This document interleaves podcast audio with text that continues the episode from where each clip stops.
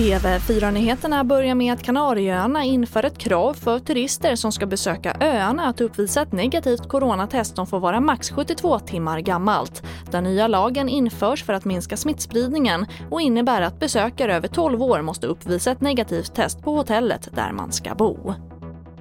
Och TV4-kanalerna riskerar att vid midnatt försvinna ur kanalutbudet för drygt 2 miljoner Comhem och Boxer-kunder. Förhandlingar mellan Teliaägda TV4 och Comhem har pågått under en tid och än har man inte kommit överens om något nytt avtal. Blir det inget nytt avtal ikväll kommer TV4 kunna ses på TV4 Play en tid framöver. Och nu när vi går in i alla helgona helgen är det stor risk för trängsel på kyrkogårdar. Därför uppmanas det på flera håll att man besöker nära och kära gravplatser en annan gång än just nu.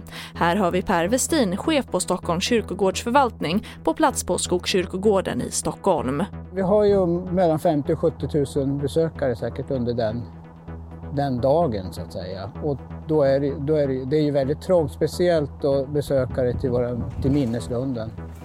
Och det får avsluta TV4-nyheterna. Jag heter Charlotte Hemgren.